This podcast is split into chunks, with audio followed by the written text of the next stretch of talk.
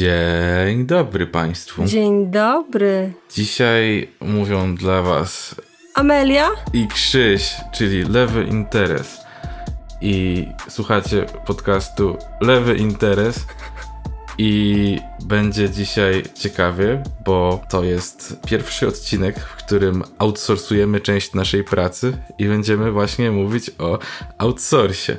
Czym jest outsourcing, co to, kim ona jest, jak ma na imię i dlaczego kapitalizm zniszczy nas wszystkich i dojedzie nas i zmiecie nas z planszy jak bobasów. O tym będziemy dziś mówić, jak zwykle. I tak, e, a może od razu przejdźmy do rzeczy. A, najpierw tylko zanim zaczniemy przechodzić do rzeczy, prosimy o klikanie w guziczki, w łapki w górę, w serduszko reakcje na Facebooku, followowanie nas na Twitterze, Instagramie, subskrybowanie nas na Patronajcie, wysyłanie nam pieniędzy na YouTube, e, wszystko. I generalnie klikajcie przycisk daj pieniądze. To też jest tak. przycisk, który nas znaczy, interesuje. Przede wszystkim klikajcie w przycisk link e, lewy interes i oglądajcie i słuchajcie i wysyłajcie to do swoich znajomych i rodzin.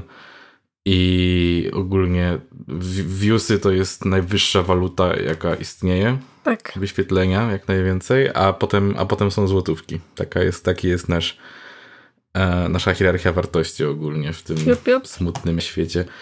E, dobra. To co? To e, przechodząc do naszego dzisiejszego tematu. Ej, Amelia, czym jest outsourcing? Outsourcing to jest oddawanie swojej pracy jakiejś innej zewnętrznej firmie albo w ogóle zewnętrznemu podmiotowi. E, ale z tego co wiem, Krzysiu, to nie e, outsourcing jest tak naprawdę główną, głównym dzisiaj punktem menu, ponieważ będziemy mówili o konkretnym, może nie rodzaju outsourcingu, ale konkretnym pokrewnym zjawisku, czyli będziemy mówili o, o offshoringu.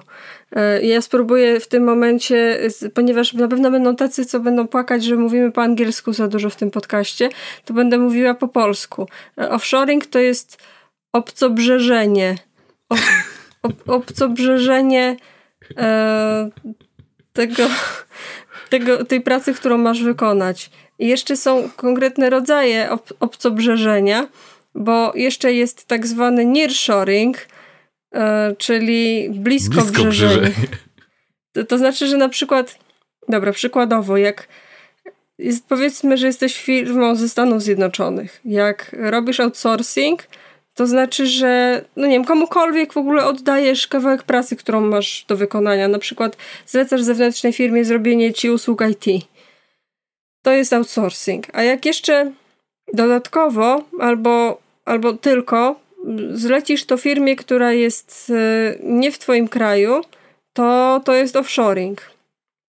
I offshoring zazwyczaj się mówi o tym wtedy, kiedy przenosisz się jakoś tak mega daleko, tam gdzie jest super tanio. Na przykład jak jesteś w Stanach, no to offshoring będzie jak do Indii, albo do Pakistanu, albo do, nie wiem, na Filipiny się przeniesiesz e, z, z tymi usługami e, IT, które masz do wykonania.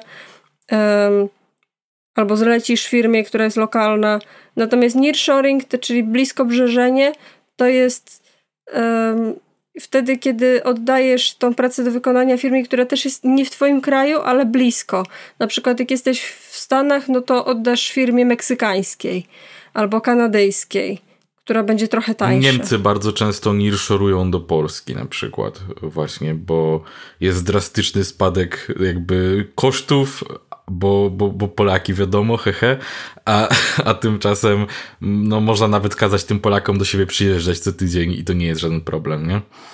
Tak, i Polacy też często robią, ostatnio się zrobiła fala Polaków, którzy robią na przykład nearshoring do Wielkiej Brytanii. Znaczy robią pracę dla Wielkiej Brytanii e, i robią hmm. startupy brytyjskie po prostu w Polsce.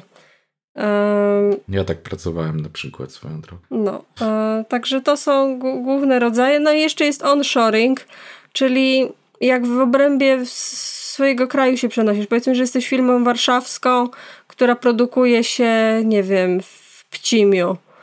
E, nie wiem, jesteś wydawnictwem polskim, które redaguje się w Warszawie, a drukuje się w Tychach. powiedzmy. Tak, widziałem nawet jakieś takie określenia jak jakieś village sourcing, coś takiego, jakieś takie określenia były właśnie, gdzie chodziło o właśnie outsourcowanie do małych ośrodków, w których jest tańszy, tańsza produkcja po prostu. Tak. Są jakieś różne terminy na to też, chociaż to nie jest chyba aż tak bardzo, tak często jakby poruszane przez ekonomistów, mam wrażenie. Yy, czyli onshoring to byłoby wieś, wieś brzeżenie. tak. No, nabrzeżenie, tak dosłownie. Tak, na, nabrzeżenie. E, dobrze, i to jest e, właściwie wszystko, co, jest, co ja mam dzisiaj do powiedzenia. Okej, okay, ale myślę, że to było w miarę e, informatywne, bo dowiedzieliśmy się, co właściwie jest dzisiejszym tematem. A tymczasem ja w ogóle chciałem powiedzieć o jeszcze jednej ciekawej, a, ciekawej, ciekawej odmianie, albo raczej zjawisku związanym z outsourcingiem. Jest coś takiego jak mid-sourcing. I to jest. Średniobrzeżenie. No nie, bo to nie jest mid-shoring, to jest mid-sourcing akurat, bo to, bo to nie, nie jest związane z dystansem, a to jest związane z tym, e, jaki to zajmuje element procesu. Otóż mid-sourcing jest wtedy, kiedy outsourcujemy sam proces outsourcingu. I to jest realne zjawisko, czyli chodzi o to, że na przykład firmy nie chcą musieć mieć własnego personelu zajmującego się E, pośredniczeniem między firmą, do której outsourcują swoje zadania. Nie chcą musieć zajmować się ustanawianiem komunikacji, ustanawianiem kontraktów, nie chcą mieć własnych właśnie albo prawników, albo nawet samemu zarządzać relacją z prawnikiem, który ma przygotować im na przykład odpowiednie e, klauzule, na przykład poufności, tylko wynajmują firmę, która pośredniczy w ustanowieniu relacji outsourcingowej i to jest mid-sourcing, czyli robią outsource procesu outsourcingu. To jest ciekawe, czy kiedyś pojawi się na przykład, nie wiem, second layer mid-sourcing, który będzie zajmował się pośredniczeniem między firmą a, a firmą mid-sourcingową, Czyli ale na razie jesteśmy na tym słowem etapie. outsourcing z przerzutami. Tak, outsourcing z przerzutami. I ogólnie, e, więc może przejdźmy do samego outsourcingu. Jakby mam wrażenie, że jest w miarę jasne, czym on jest, ale właściwie co jest z tym nie tak, a jest nie tak sporo rzeczy. Będę mówił dzisiaj dużo właśnie głównie o offshoringu. Będę często nazywał to outsourcingiem, bo prawda jest taka, że prawie zawsze jak się mówi o problemach outsourcingu, to mówi się przede wszystkim o offshoringu. A więc z góry przepraszam, że będę trochę używał tych terminów zamiennie, chociaż w pełni nie są zamienne. Możemy przyjąć, że jeżeli nie mówię explicite, że mówię o czymś innym, to mówię o offshoringu. E, więc tak. E, jednym, jakby jak tak sobie pomyślimy o następstwach offshoringu, to ciekawe jest to, że to ostatecznie sprawia wrażenie trochę problemu podobnego do takiej z lokalnego punktu widzenia przypomina to trochę problem automatyzacji. To znaczy, mamy rozwiązania, które są e, teoretycznie byłyby pozytywne, dlatego że z punktu widzenia naszego lokalnego, na przykład jako kraju, z którego zamawiamy e, offshore'owane usługi, pewne rzeczy po prostu dzieją się same, tak? Musimy włożyć w to jakiś, e, w jakiś, e, jakiś hajs, ale jest to bardziej opłacalne niż żeby ktoś to ręcznie u nas robił, tak? Z naszego, z takiego punktu widzenia bardzo lokalnego.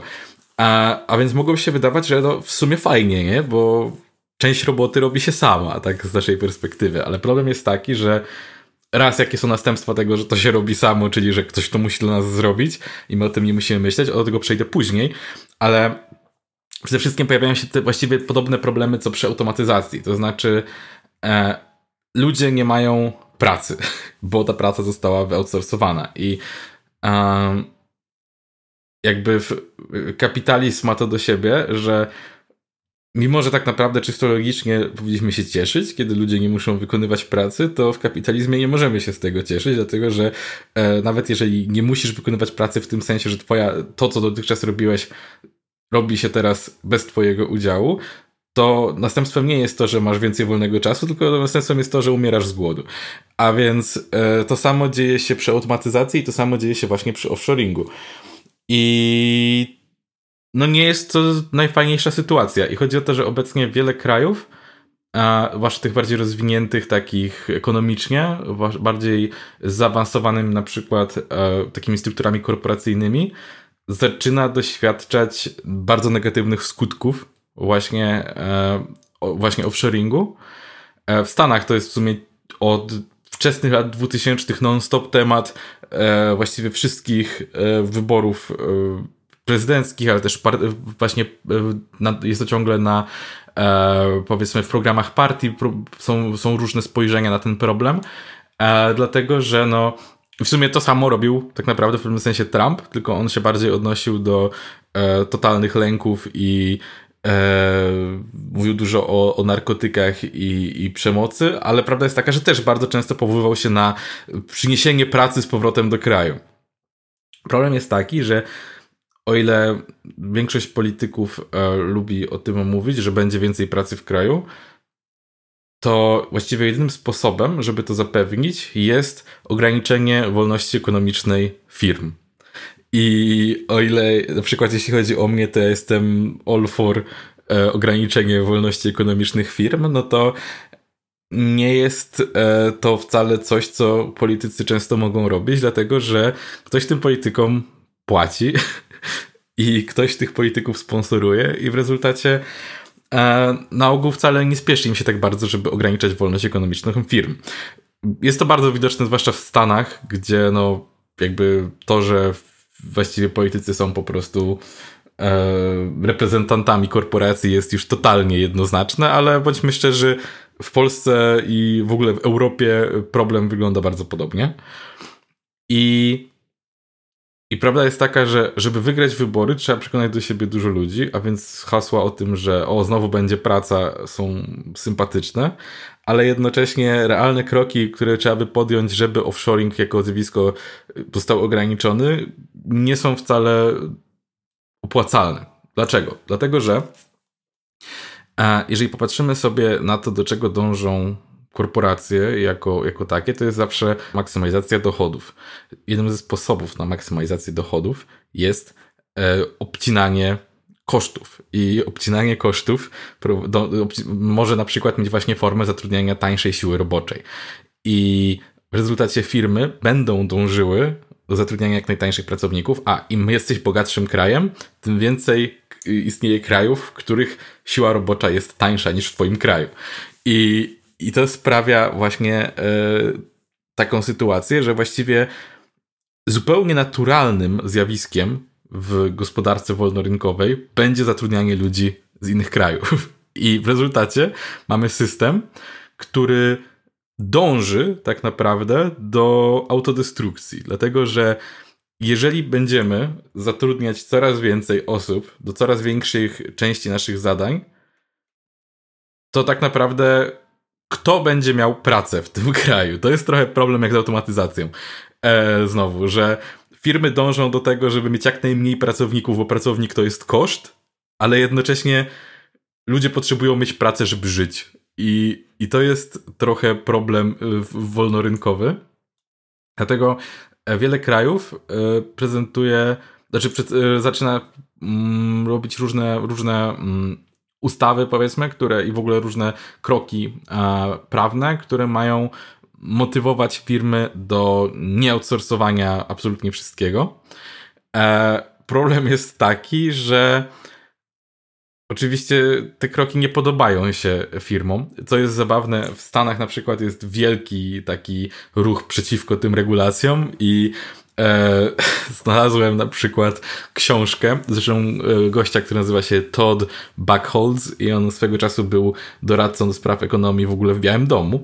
I książka nazywa się uh, Bringing the Jobs Home: How, to how the Left Created the Outsourcing Crisis and How We Can Fix It. Czyli e, sprowadzając pracę e, do domu, w jaki sposób lewica stworzyła e, kryzys outsourcingu i jak możemy go naprawić, w której to książce? E, pan, pan Todd tłumaczy nam, że problemem nie jest to, że firmy będą robiły absolutnie wszystko, żeby obciąć koszty, tylko że przez lewicę koszty pracy zrobiły się zbyt wysokie w kraju. I bardzo mi się podoba to, że on nie zwraca uwagi na to, że te koszty pracy są wysokie głównie dla, po to, żeby ludziom się dobrze żyło, bo dosłownie zwraca uwagę na to, że pracownicy muszą mieć ubezpieczenia i to jest totalnie nieopłacalne, że płaci się za dużo, że pensje minimalne się podnosi. I jego oczywiście, jak każdego e, skrajnego liberała, rozwiązaniem problemu outsourcingu jest zniesienie regulacji w Stanach, które i tak są totalnie szczątkowe, co jest w sumie zabawne, bo tym samym mówi, że jedyne co możemy zrobić, to wyścig w dół tak naprawdę. Mówi, e, tak, w innych miejscach na świecie pracownicy e, pracują za ułamek stawki, którą mamy tutaj. Jedynym rozwiązaniem jest sprawić, by nasi ludzie też pracowali za ułamek stawki. Więc i, i jeszcze przedstawia to jako coś patriotycznego. To jest tym wszystkim najzabawniejsze. A więc... E, niestety jest taka dość spora percepcja, że realnym problemem tak naprawdę outsourcingu, że outsourcing został stworzony przez te okropne regulacje, przez to, że nie możemy już naszych własnych ludzi wyzyskiwać, a więc jedyny sposób to wyzyskiwać ludzi z zewnątrz.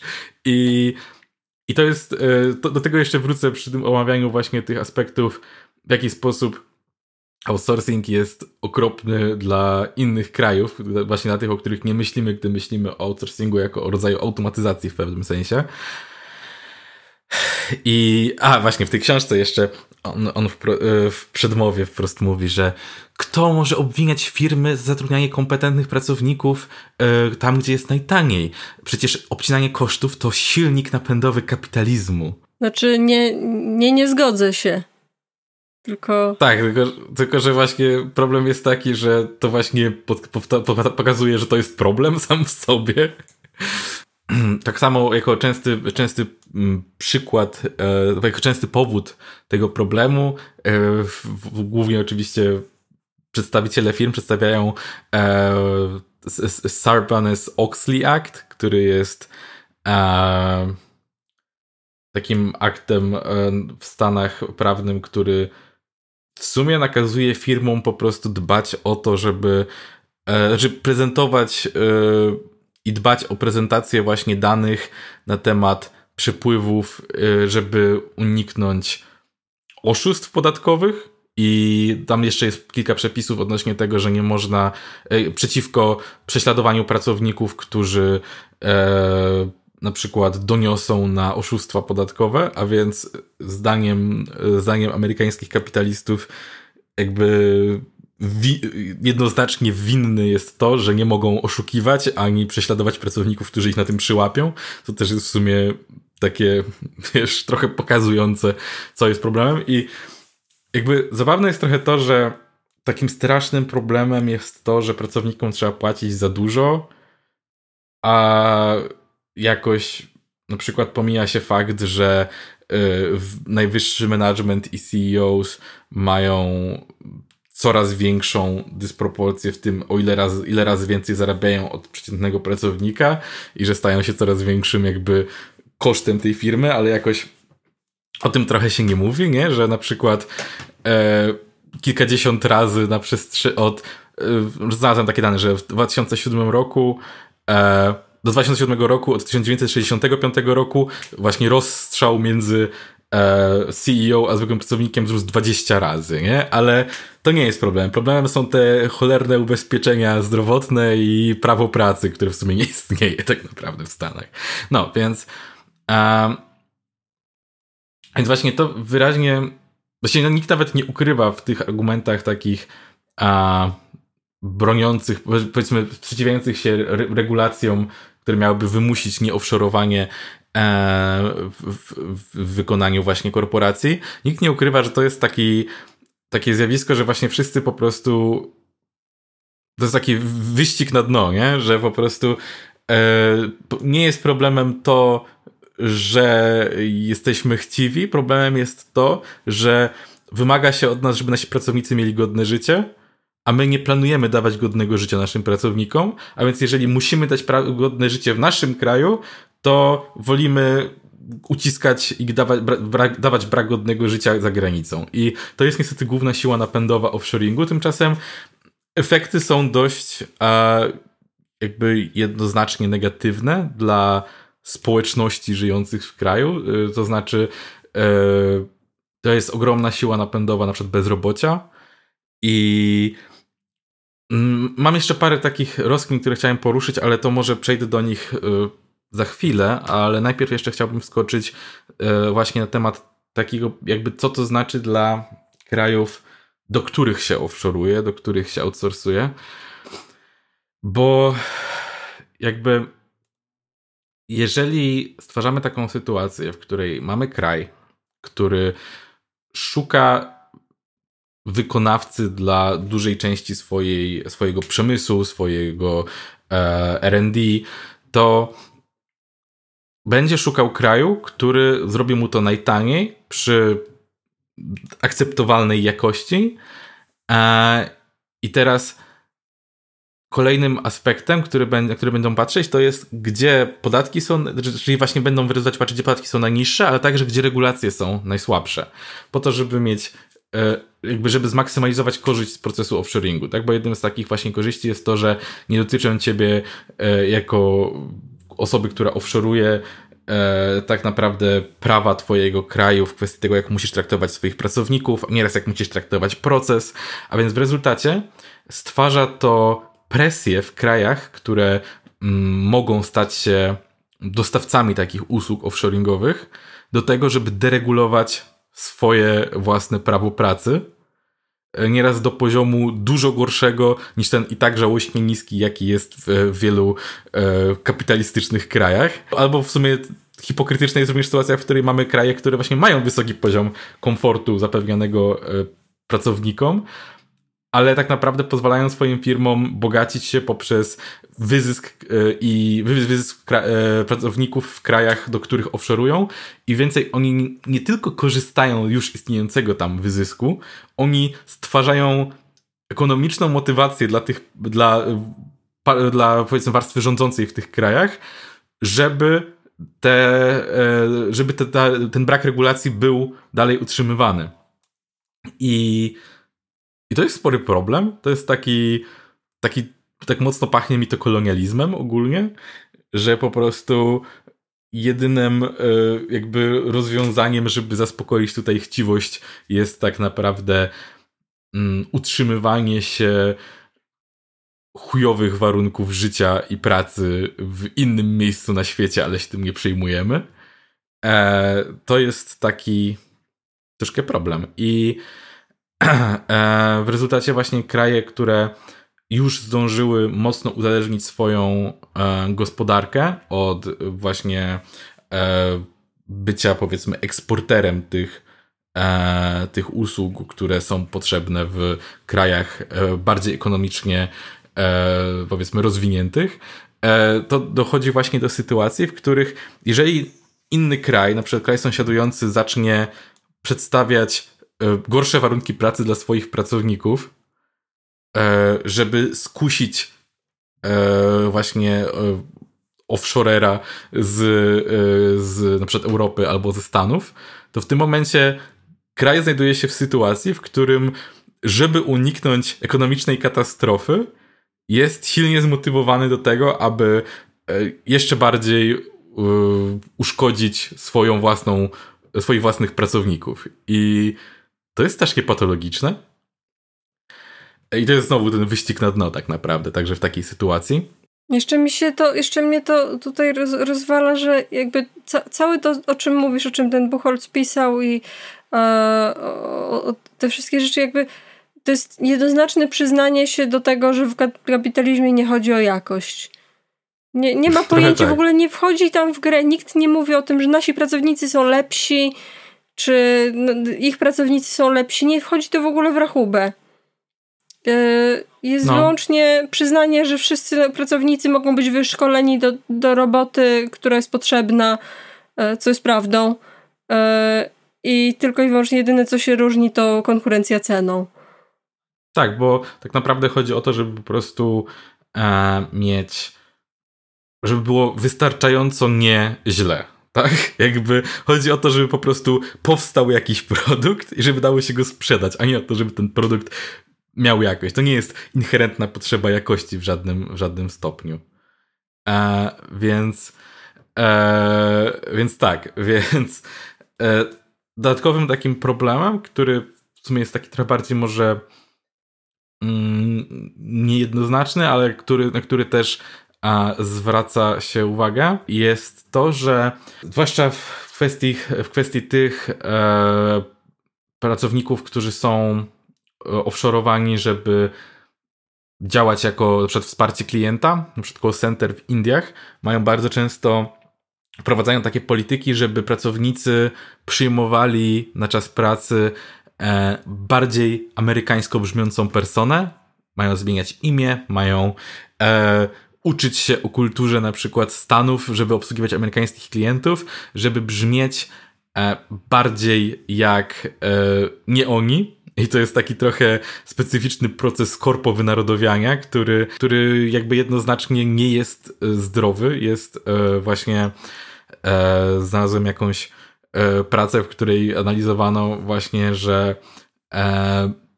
jakby pracownik znajduje się pod dodatkowym, zupełnie innym rodzajem stresu, musząc dodatkowo udawać inną osobę, ale e, poczytałem trochę też e, właśnie jakby tego, co sami tacy pracownicy opowiadali. I co jest trochę straszne, co też sobie pokazuje problem rasizmu, że część e, właśnie pracowników e, pracujących w takich firmach, w których są obowiązani przyjąć inną personę, albo w której mogą przyjąć inną personę, ale nie muszą, chcą przyjmować tą personę, dlatego że łatwiej jest poradzić sobie emocjonalnie z atakami, dlatego że są regularnie e, prześladowani przez klientów, którzy atakują ich ze względu na ich rasę, którzy atakują ich ze względu na ich akcent, którzy są sfrustrowani na przykład z powodu jakości produktu firmy, którą ten pracownik reprezentuje, mimo że właściwie nie jest jej pracownikiem i w rezultacie rozładowują to napięcie na, i ten stres i tą złość na pracowniku i w pewnym sensie łatwiej jest emocjonalnie sobie poradzić, jeżeli oni krzyczą na jakiegoś boba, który nie jest twoim prawdziwym imieniem, niż na ciebie jako ciebie. I że to jest coś, co oni robią również e, żeby uniknąć tego emocjonalnego obciążenia częściowo.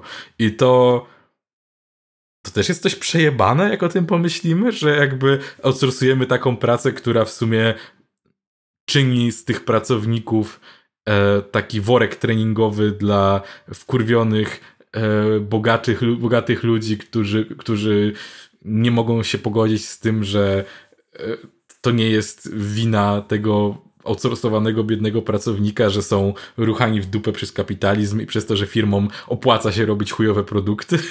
I jakby no tak naprawdę e, duża część jakby realnej istoty pracy w takim call center to nie jest rozwiązywanie problemu, to jest danie osoby, pracownika klientowi, żeby klient miał się na kim wyżyć, żeby nie, nie zrobił ostatecznie w sobie negatywnej postawy wobec firmy, i wobec produktu tej firmy, tylko wobec tego biednego typa, który odebrał telefon. I, i w rezultacie outsourcujemy narodową frustrację na kapitalizm do Indii, więc fajnie. E, bardzo wygodne. Taką też rzeczą, którą uważam znowu trochę w pogoni za natychmiastową rynkową walidacją, a przeoczamy, jest to, że ogólnie mm, jakby korzyść wynikająca z outsourcingu, z outsourcowania części y, właśnie z części zadań firmy w kontekście konku takiej konkurencyjności jest bardzo tymczasowa, dlatego że jeżeli jesteś pierwszą osobą, która outsourcuje, masz ogromną przewagę na rynku, ale tak długo, jak wszyscy inni nie zaczną outsourcować. Bo w tym momencie wszyscy chcieliście koszty w ten sam sposób. I w rezultacie wszystko, co zyskujecie, to znowu pozycja wyjściowa, jeżeli chodzi o konkurencyjność swojego na przykład produktu w kwestii ceny. To jest trochę taka, taki problem. To jakby to nie jest coś, co ci pozwala przynieść jakąś realną wartość, e, tak z punktu widzenia na przykład tego, że nie wiem, można by zainwestować więcej pieniędzy w rozwój produktu, dlatego że ostatecznie ta część rynku, którą wydarłeś przez chwilową, chwilowe stworzenie swojej konkurencyjności, po chwili znowu zostanie podzielona, dlatego że wszyscy zaczną e, offshore'ować.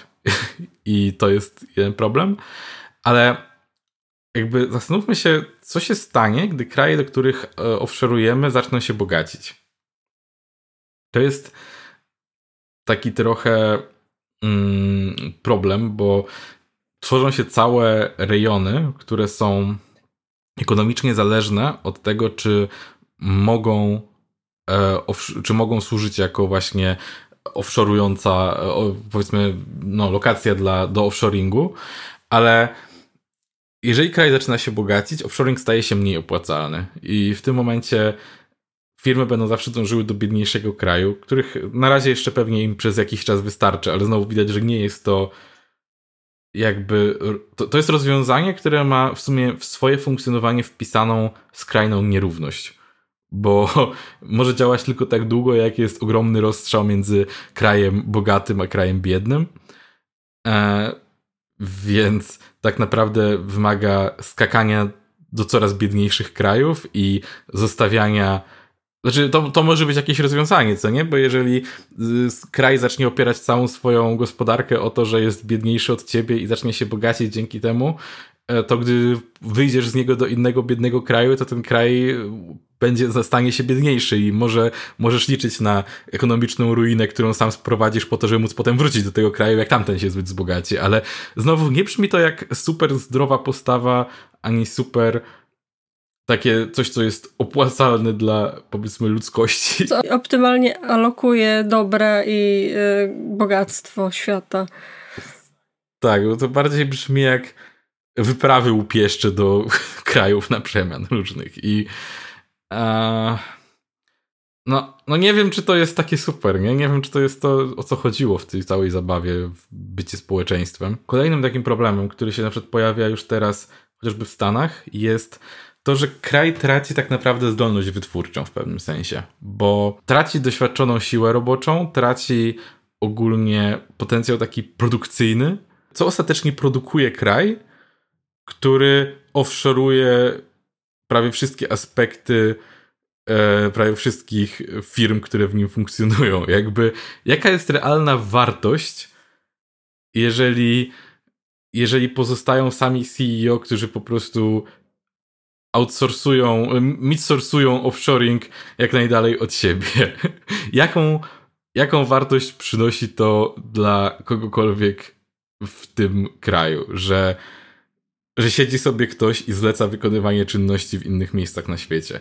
To jest takie trochę. Kiedy cała twoja gospodarka jest tylko jednym facetem. No to, to, to dąży troszkę do tego. I myślę, że chciałbym tutaj przejść do działu, który przygotowałem na dzisiaj, do działu Story Time, czyli po polsku czas historii. I to będzie moment, w którym opowiem o moich doświadczeniach z offshoringiem. A, I liczę, że Amelia również opowie o swoim doświadczeniu z offshoringiem. O tak. A, i, I przy okazji powiem też o czymś, co zaobserwowałem, co określiłem jako korporacyjna apatia. A, pracowałem swego czasu w firmie, która zajmowała się w dużej mierze właśnie głównym, głównym jakby punktem napędowym, pomysłem, biznes, y, biznes ideą w tej całej firmie było to, żeby płacić pracownikom polskie stawki, dawać im małe bonusy, jak wyjeżdżają i sprzedawać tych pracowników za gruby hajs e, firmom w innych e, krajach, głównie europejskich. E, ja akurat byłem nearshorowany do Niemiec i i to w sumie był taki specyficzna forma nearshoringu, dlatego że na większość czasu tak naprawdę jeździłem e, do Niemiec, e, więc e, przerzucali mnie w te i we w te. Spędziłem tam mm, kawał czasu i jeździłem na przykład od poniedziałku do czwartku byłem na miejscu, potem wracałem, co było w sumie moim zdaniem dodatkowo bez sensu, bo wartość tego, że klikałem w komputer tam, a nie u siebie, nie wiem, czy była szczególnie wysoka, ale miałem wrażenie, że nikogo to nie obchodzi. I ja akurat jeszcze jako ktoś, kto mieszka stosunkowo blisko e, granicy, jeździłem do, te, do Berlina pociągiem, ale e, z mojej firmy outsourcowani byli również ludzie z e, Warszawy i z Lublina, którzy latali samolotami, więc robili lot w te i we w te co tydzień. I swoją drogą, no, ślad węglowy pozdrawiamy, ale to musiało generować naprawdę duże koszty. I, i kiedyś, e, kiedy, kiedyś jakoś, jako że miałem akurat tam bardzo sympatycznego przełożonego, z lekkiej frustracji zapytałem e, właściwie po co tak naprawdę nas rzucają w tej we w te, po co my tam musimy siedzieć, jeżeli są całe tygodnie, że tylko sobie siedzimy i tyle, że mamy jedno spotkanie trwające 10 minut dziennie, które można by zrobić online. I powiedział mi e, pan przełożony, że e, oni nie mają dobrych doświadczeń z wideokonferencjami, bo im ciągle coś rozłącza i w sumie to nie chciało im się tego nigdy jakoś ogarnąć. I oni byli firmą zajmującą się usługami przez internet w sumie w dużej mierze. I literalnie woleli woleli latać ludzi samolotami. Przy okazji do, na projekt przylatywali też ludzie z Hiszpanii, z Francji, więc z całej Europy ludzie latali w te i we w te, bo Skype to jest za trudne narzędzie. I, I wtedy zaczęła, i to zrobiło się jeszcze bardziej absurdalne, gdy e, część, duża część jakby wykona, wykonania produktu została e, zoffshorowana do Indii. Pracownicy z Indii już nie dojeżdżali, a więc i tak wdzwaniali się na nasze spotkania. I okazało się, że się da. I, i doszło do tego, że jakby ludzie z, z, Hiszpanii, ludzie z Francji mieli powód, żeby lecieć do, do Niemiec. Ludzie z Polski mieli powód, żeby lecieć do Niemiec, bo ciężko pracuje się na dystans, ale i tak część produktu była wykonywana przez spory zespół z Indii. I dodatkowo zespół z Indii miał jakby, no może, może zabrzmi to niemiło, ale miał naprawdę niskie kompetencje, a naprawdę bardzo często ich zmiany w produkcie e, były po prostu złe i wynikały wyraźnie z bardzo jakby niskiej znajomości produktu. I miałem takie silne poczucie, że nikogo to nie obchodzi. Jakby w normalnej sytuacji pewnie przeszkoliłoby się tego pracownika dodatkowo. Ale problem był taki, że e, pracownicy, właśnie cały duży zespół z Indii nie został nam dorzucony do projektu, dlatego że mieliśmy taką potrzebę my jako zespół, tylko e, całe zarządzanie odbywało się o to, ilu jest ludzi, jaką człowiek ma według ich Excela moc przerobową i uznali, że chcą zrobić to szybciej, więc pomnożyli razy dwa i po prostu dosiągnęli drugą, dru, drugie tyle ludzi, co było w zespole z Indii, nie zapewniając im żadnych sensownych właśnie wprowadzeń do tego produktu, e, nie upewniając się, że mają w ogóle kompetencje związane z tym konkretnym produktem, tą konkretną technologią. I sprawiło to, że w rezultacie oni naprawdę dorabiali na momentami robotę, a w najlepszym przypadku zrobili tyle, co pewnie jeden pracownik, który byłby sensownie przeszkolony, zrobiłby w tym samym czasie, on jako cały zespół. Dodatkowo nie dziwię się, że nie pracowali szczególnie dobrze, bo na pewno pracowali za ułamek stawki. Swoją drogą, e, tak tylko dodam, że roczna pensja e, właśnie software engineera w Indiach to jest e, od 4 do 23 tysięcy dolarów. W Polsce to jest około 30 tysięcy, w Stanach to jest około 100 tysięcy. A więc jakby robili tą samą robotę co my za ułamek tego, co my. A dodatkowo pracowali w naszej strefie czasowej, w sensie na, w, z naszą strefą czasową synchronizowani, a więc w totalnie rozjebanych dla siebie godzinach. I no i bardzo szybko zaczęły się robić e, tyły. Bardzo szybko zaczęliśmy mieć, nie dowozić rzeczy na czas na ten projekt, no bo oczekiwali, że będziemy pracować jak w pełni zgrany zespół, w czasie gdy to nie działało w taki sposób.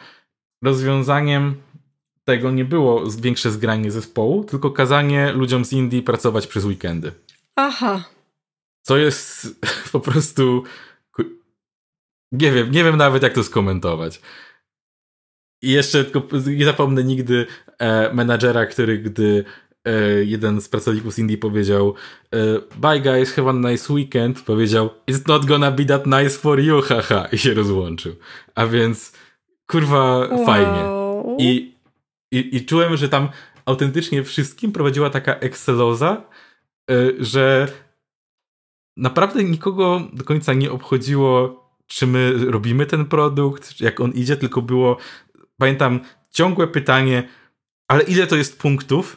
A nie, to źle, bo musimy mieć 70 w tym tygodniu. Nikogo nie obchodziło, czy te punkty przekładają się na skończony produkt. To było poczucie, że jeżeli yy, tak, tak jakaś, jakaś próba zawładnięcia nad produktem bez zrozumienia kiedykolwiek właściwie, co jest wytwarzane i co my robimy. I właśnie to była dla mnie taka totalna korporacyjna apatia, która jeszcze bardziej wzrosła w siłę w moim odczuciu, gdy zmieniłem pracę i zacząłem pracować dwie, dwie prace później w sumie. Zacząłem pracować w innej bardzo dużej korporacji a, międzynarodowej i jak przychodziłem tam, to mm, dowiedziałem się, że będę pracował przy produkcie związanym ze sztuczną inteligencją, że to będzie takie wow i w ogóle e, research and development, super fajnie, fajnie. E, ale bardzo szybko okazało się, że moja praca nie polegała na e, wykonywaniu tego produktu, tylko na nadzorowaniu osoby z Indii, która ten produkt wykonywała. I w rezultacie nie pisałem w ogóle kodu, tylko słuchałem, co zrobili tamci deweloperzy i, i miałem po prostu ich pilnować, przy czym ja byłbym w stanie pracować nad tym produktem. Płacili mi naprawdę dużo. E, to był taki dość szok finansowy dla mnie w tamtym momencie, jak mnie tam zatrudnili, więc spodziewałem się, że będę miał ciekawe obowiązki. A prawda była taka, że za pensję, za którą mogliby wynająć kogoś, kto by to dla nich zrobił na miejscu, płacili tylko mi, żebym nadzorował kogoś, komu też musieli płacić za robienie tego w Indiach. I, I to było dla mnie również bardzo frustrujące i też w końcu zacząłem puszczać ten temat z moimi przełożonymi. I dowiedziałem się, że generalną praktyką w tej firmie jest to, że my wszyscy jesteśmy kierownikami. My nie wykonujemy produktu, my nie robimy rzeczy, my zlecamy produkt. Dodatkowo, żeby było śmieszniej, a produkt y, zlecamy nie mm, jakby według, nie firmie, która jest w stanie najlepiej zaspokoić nasze potrzeby, tylko naszemu obecnemu e, vendor partnerowi. I sprawa wyglądała tak, że na przykład mieli wiele produktów rozwijanych przez jednego vendor partnera. E, na przełomie e, któregoś roku nastąpiła zmiana kontraktu na innego vendor partnera. Po czym przez wiele miesięcy trzeba było robić transfer wiedzy, żeby jeden vendor partner nauczył drugiego vendor partnera, co tam się właściwie działo, dlatego że sama firma nie do końca była w stanie wytłumaczyć, co się działo w ich własnym jakby intellectual, e, intellectual property, dlatego że tak naprawdę nikt, nikt, nikt z samej firmy nie pracował nad tym.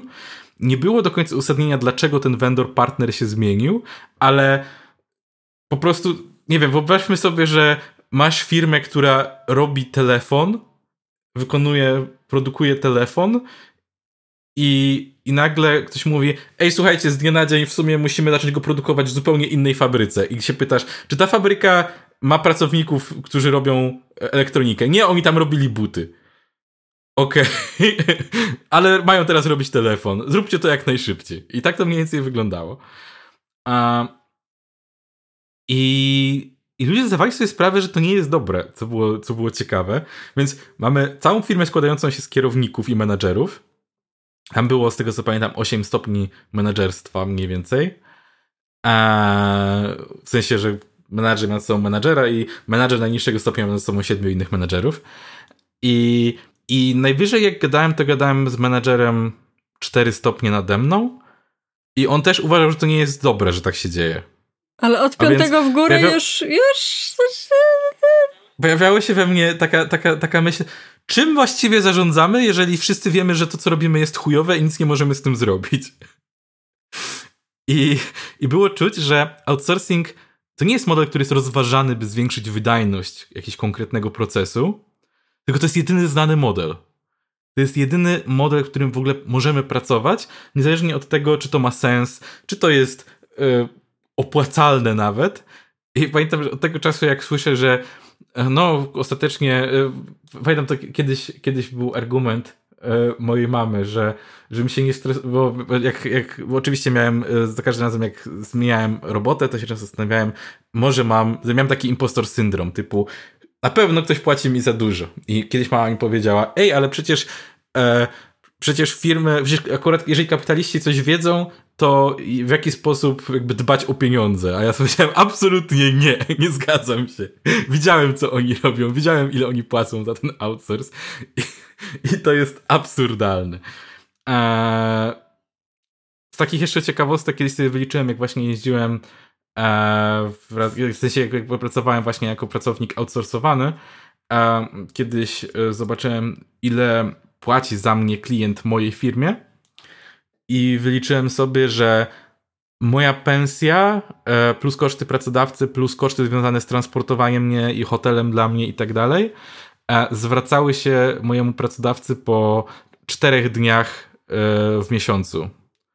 Więc jakby wszystko po, od, od piątku w pierwszym tygodniu roboczym natychmiast to było, szło, szło do kieszeni moich, e, mo, mojej firmy tak naprawdę, co też pokazuje, jakie to jest, jaka to jest kopalnia złota tak naprawdę dla, dla tego typu cwanych kapitaluchów. A i tak ktoś uznał, że mu się to opłaca. To były moje, y, moje story time. Piękne story time. E, ja też mam story time. Moje story time dotyczy tego, że kiedyś przez parę miesięcy pracowałam w firmie, która uczyła e, przez internet Chińczyków i Tajwańczyków, znaczy no Chińczyków powiedzmy, zależy jak liczyć, e, angielskiego i uczyłam ich angielskiego. E, to było uczenie dzieci, młodzieży, dorosłych i wyglądało tak, że było dokładnie widać po, po kraju, jak żeśmy się dogadywali, że Filipińczykom płacili 2 dolary za godzinę, mnie płacili 4, Amerykanom płacili chyba 15, E, i, i, nie widzieli w tym, i to było jakby oficjalne, jakby był cennik dostępny. Można było widzieć, że za, za, ten kraj dostajesz tyle pieniędzy, a za ten tyle, a masz dokładnie te same predyspozycje i dokładnie, i to byli, wiesz, no w Polsce ja akurat jest, nie jestem native'em, ale nawet w Ameryce byli tacy, co nie byli native'ami i po prostu mieszkali w Stanach i tam uczyli angielskiego dla nie native'ów i Poza tym, bądźmy szczerzy, nativism jako cecha nauczyciela jest przeceniany. Jest przeceniany i jeszcze tam było tak, że po, ponieważ musieli e, jakby zestreamlinować, zrobić, żeby było jak najbardziej um, podobne do siebie, najbardziej takie um, łatwe do wprowadzenia to, to, to uczenie i żeby móc zagonić ludzi, żeby robili 8-10 lekcji dziennie. E, co jest, jeśli ktoś pracował jako nauczyciel, to wiecie, że 8-10 lekcji dziennie to jest po prostu nie do zrobienia. Tam byli ludzie, którzy tyle pracowali i pracowali tak dzięki temu, że lekcje były już przygotowane. Tylko, że one były przygotowane tak z bębna maszyny losującej, że y, była, po prostu losowałeś z, była ci przydzielana algorytmem i na przykład kiedyś mi się trafiło, że miałam dla osoby na poziomie A2 przeprowadzić lekcję o częściach silnika po angielsku. Jakieś konkretne turbiny, jakieś konkretne, konkretne części. I miałam takie. Nie będę tego robić, w sensie nie, nie ma to sensu, nie będę tego uczyć, bo tylko ta, ta osoba, jeszcze ja dostawałam oceny za to. Jak lekcja nie poszła, to ja dostawałam złą ocenę i dostawałam mniej kasy za to. E, więc, e, więc powiedziałam, nie zrobię tego, w sensie nie, nie, nie, nie nauczę tego kolesia części silnika. E, I zamiast tego zrobiłam lekcję, po prostu wykombinowałam na, na poczekaniu coś innego, coś o samochodach. A lubisz samochody? Co nie, bo to pozioma dwa. E, I potem on mi dał i tak niską ocenę, bo nie przerobiłam materiału, bo, bo, bo uczniowie widzieli, jakie slajdy dostawali, w sensie jakie, co było do przerobienia i jak myśmy tego nie przerobili, to sami nam klikali, no nie było przerobione to, co miało być przerobione, 2 na 10. E, także by, by, bywało różnie, ale... Ale wiesz, to jest straszne, nie? Bo popatrzysz sobie na to i masz takie, no to jest zupełnie bez sensu, ale, ale kapitalista na to popatrzy i pomyśli, ej, ale byli w stanie na tym zarobić, zajebisty pomysł. I to się dla mnie świetnie pokazuje, jak bardzo kapitalizm nie ma nic wspólnego z sensowną alokacją zasobów, tak długo, jak nie patrzysz na to, że alokacja zasobów jest sensowna wtedy, kiedy jak najwięcej zasobów wpada do kieszeni kogoś bardzo bogatego. Tak. E, no i na, na szczęście długo tam nie popracowałam. Znaczy, uczniowie byli zazwyczaj super. Znaczy, to, co mi się podobało w tej pracy, to że mimo wszystko miałam jednak kontakt z człowiekiem i to byli bardzo fajni ludzie, e, ale też e, nie da się ukryć, że to było frustrujące, że to by, były ewidentnie bardzo drogie lekcje dla takich no, bogatszych ludzi, a ja dostawałam za to 4 dolary za godzinę. E, I, I miałam więcej, był taki moment, że sobie zdałam sprawę, że mam więcej kwalifikacji do tej pracy i więcej jakby jestem w stanie wytłumaczyć na przykład gramatyki niż nativi, a nativi zarabiali ode mnie tam trzy razy więcej. E, Więc no, było, było śmiesznie, było ciekawie. Hmm. Ale no, to by, bycie, by, i, tak, i tak się cieszyłam, w sensie cieszyłam się i tak jakby no zauważyłam pewien przywilej, że nie jestem z, jednych, z jednego z tych krajów, które dostawały tego jednego dolara za godzinę, bo były też takie kraje. I tego to już, jak można z, z, kamienną twarzą usiąść i powiedzieć, pilnuj swoich wyników i pilnuj, żeby mieć dobre oceny i będziesz wtedy dobrze zarabiać, jak zapłacisz człowiekowi dolara za godzinę. Hmm. To jest moje story time. Dobrze, a więc e, czego się dzisiaj nauczyliśmy? E, offshoring jest e, problematyczny i trzeba go skancelować. E, Uruchomić cancel culture, ale tylko dla kapitalizmu. Tak. E, a także jednocześnie pamiętajmy, że jeżeli jakaś praktyka wynikająca z natury kapitalizmu niszczy społeczeństwo, to jedynym rozwiązaniem jest pozwolić kapitalizmowi robić jeszcze więcej szkód, bo, bo wtedy te szkody będą dobre i naturalne, bo będzie je, robiła wolna, e, znaczy niewidzialna ręka wolnego rynku. Tak. I wtedy wszystko jest w porządku. Tak. Bardzo swoją drogą, tak trochę z innej beczki, ale polecam e, filmik e, śpiewaka o męcenie i cenach mieszkań. To jest, to jest bardzo dobry filmik a propos ślepej wiary w wolny rynek i, i kłamstw, które są ludzie w stanie stworzyć, żeby udawać, że to wszystko działa i to wcale nie jest religia i, i że te ich paradygmaty są poparte czymkolwiek. Polecam. Ja też polecam. Dobrze, dziękujemy Państwu bardzo. E, dziękujemy i jeszcze raz prosimy o klikanko w przyciski. E, w, mamy też patronów. Mamy patronów, e, nawet super patronów, super towarzyszy mamy. Mamy super towarzyszy. Anonim, MF, Łukasz Maciejewski, Mateusz 35, Michał M, Super Kokos, Tomasz Dubiel, kolega Tomka Popa, Jean, Dominik M, Michał Kolacha, Ewix. Sylwia i Konrad, Piotr Sowiński, Michał P. Dziękujemy bardzo naszym patronom. E, I, i na koniec chciałem tylko powiedzieć: e, kochajcie nas, karmcie nas, nie zostawiajcie nas. Pa! pa!